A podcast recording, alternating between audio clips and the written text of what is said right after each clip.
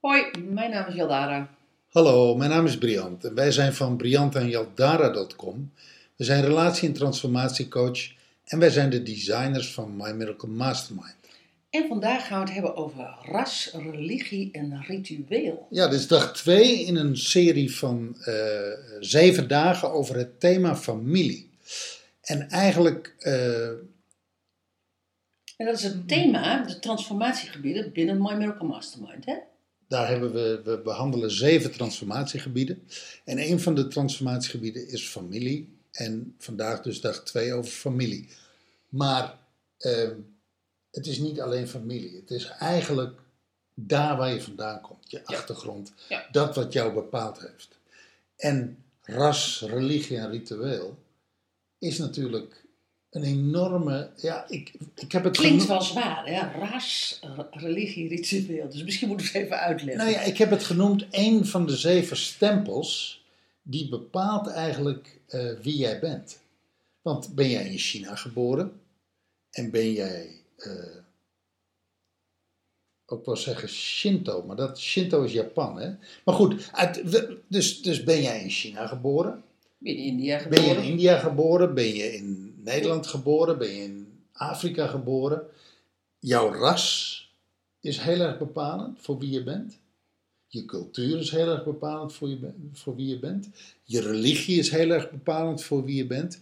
En dat brengt natuurlijk ook met zich mee de rituelen die jij, ehm, ja, die je uitvoert. Nou ja, en dan heb je natuurlijk nog een keer de, de, de soms wat, wat ingewikkelder ehm, eh, ras en religie. Dat als jij in Indonesië bent en je bent daar hindoe. Eh, je moet me even helpen hoor. Brian. Boeddhist. Eh, boeddhist. Oh, dat is ook, dat is ook goed.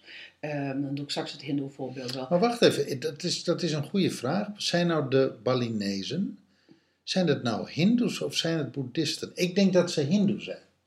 Ik denk dat ze een hindoe variant hebben van... Nou, het is, ik, ik- mijn beleving was ook hindoe. Maar in ieder geval, dat is een ander soort hindoe. En misschien zijn ze wel boeddhist.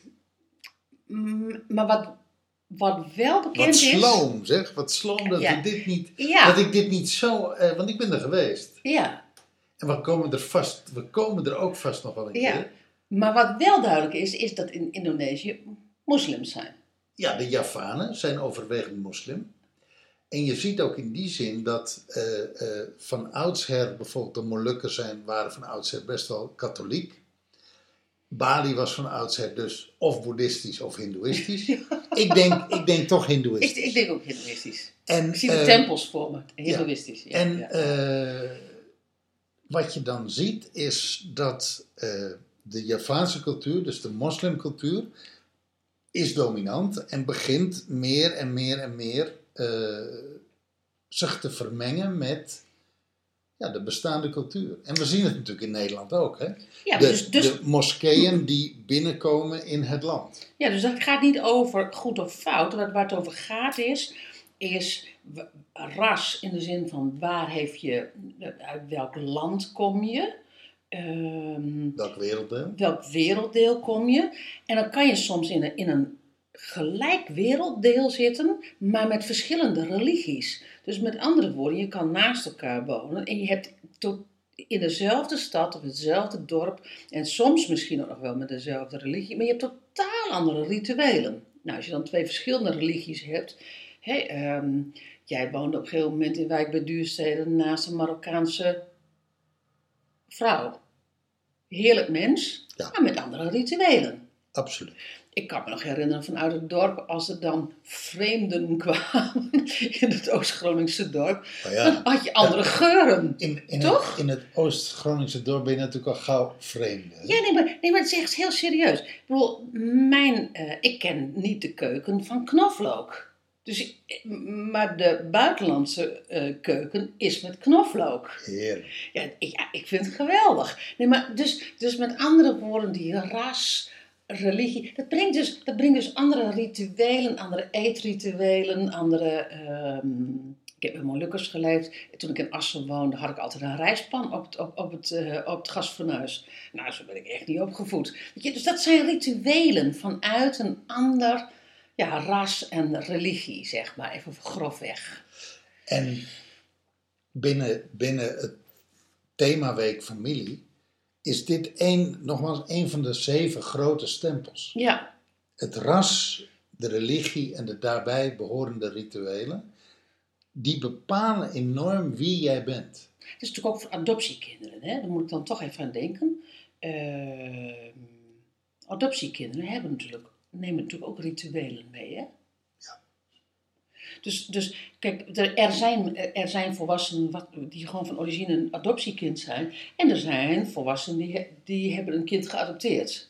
Dus, dus dan, dan kom je dus echt direct al met andere gebruiken. Want dat is, dat is ook, hè, de, de rituelen zou je ook kunnen vervangen in de andere gebruiken. Dat is eigenlijk in die familie, wat jij zegt, een van die zeven stempels. Ehm, dat zit eigenlijk in het gebied van het is wat het is. Ik- Gisteren hebben we het gehad over waar kom ik vandaan? Welke generaties bepalen de verhalen waar ik nu mee leef? En dit is, de, dit is ook wat het is. Ik word in een beetje geboren met die religie. Ik word in een land geboren waar het, ehm, waar het blanke vla of bruine vla is. En gele vla is, hè, om het maar even zo te zeggen. En, en iedere keer voor jezelf de uitdaging, hoe breng je je oorsprong, in hoeverre bepaalt dat jouw persoonlijke behoeften en jouw persoonlijke capaciteit en jouw persoonlijke, in hoeverre daagt het jou uit om te veranderen en om te transformeren? Ja, in hoeverre beklemt het je dus?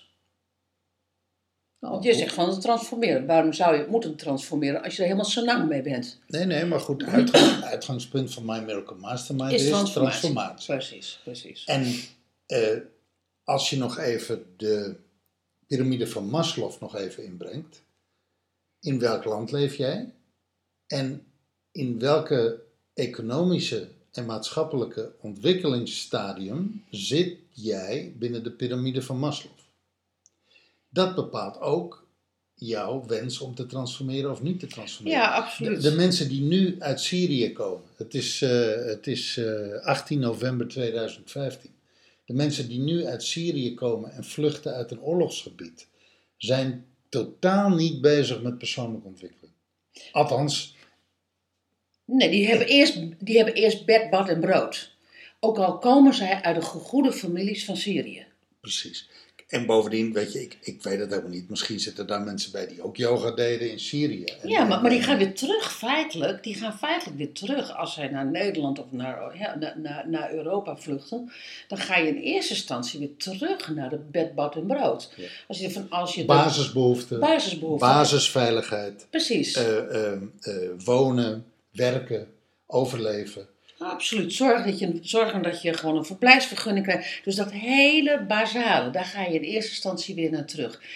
Je neemt dan, als je, eh, die nemen natuurlijk eh, wel hun religie en hun rituelen en zo mee. Weet je, zoals wij dat doen, wij wonen nu op Kreta, nemen wij onze eh rasreligie en rituelen mee. Ik bedoel, Absoluut. ehm, er zit, het blijft nog steeds Europa, maar tussen de Cretensers en ons zitten, zitten toch echt op bepaalde punten zitten daar grote verschillen. Nou ja, kijk, 50 jaar geleden was Kreta nog heel erg bezig met eh, echt met overleven. Ja, ja, En dat zie je eigenlijk nu nog, dat, dat zie je nog heel erg terug in de generaties. En dat overleven hebben wij al een tijd in Nederland al een tijd langer geleden ja, eh, gehad. ja. Hè? eh, waardoor je ziet dat, dat zeg maar, eh, Zelfontplooiing is natuurlijk in Nederland, is dat, is dat, heeft dat natuurlijk een veel hoger plan als dat dat hier op Kreta is. nou, de, de Kreta staat wat dat betreft Althans bij de Cretensers. in de kinderschoenen. Ja, De, Ja. de, de nieuwe generatie, zeg maar de 4, 25-jarigen, die beginnen daar nu heel langzaam aan te Ja. ruiken. ja, ja. Maar goed, dus kortom, de uitdaging vandaag om te kijken van welke familierituelen heb ik. eh, van origine en welke heb ik misschien wel nu? En waar heb ik er plezier aan en waar voel ik mij eh, niet zo lang mee? De kleuring van mijn achtergrond. Ja, eigenlijk de, dus precies, de, de kleuring van mijn achtergrond. In hoeverre bepaalt die Is die bepaald door ras, religie en rituelen en hoe wordt dat ingevuld? En in hoeverre bepaalt dat mijn wens en mijn behoefte om mijn eigen leven in mijn eigen handen te nemen? Ja, ja, precies. Oké. Mooi. Dankjewel voor het luisteren. En tot morgen, tot de volgende podcast. Hoi.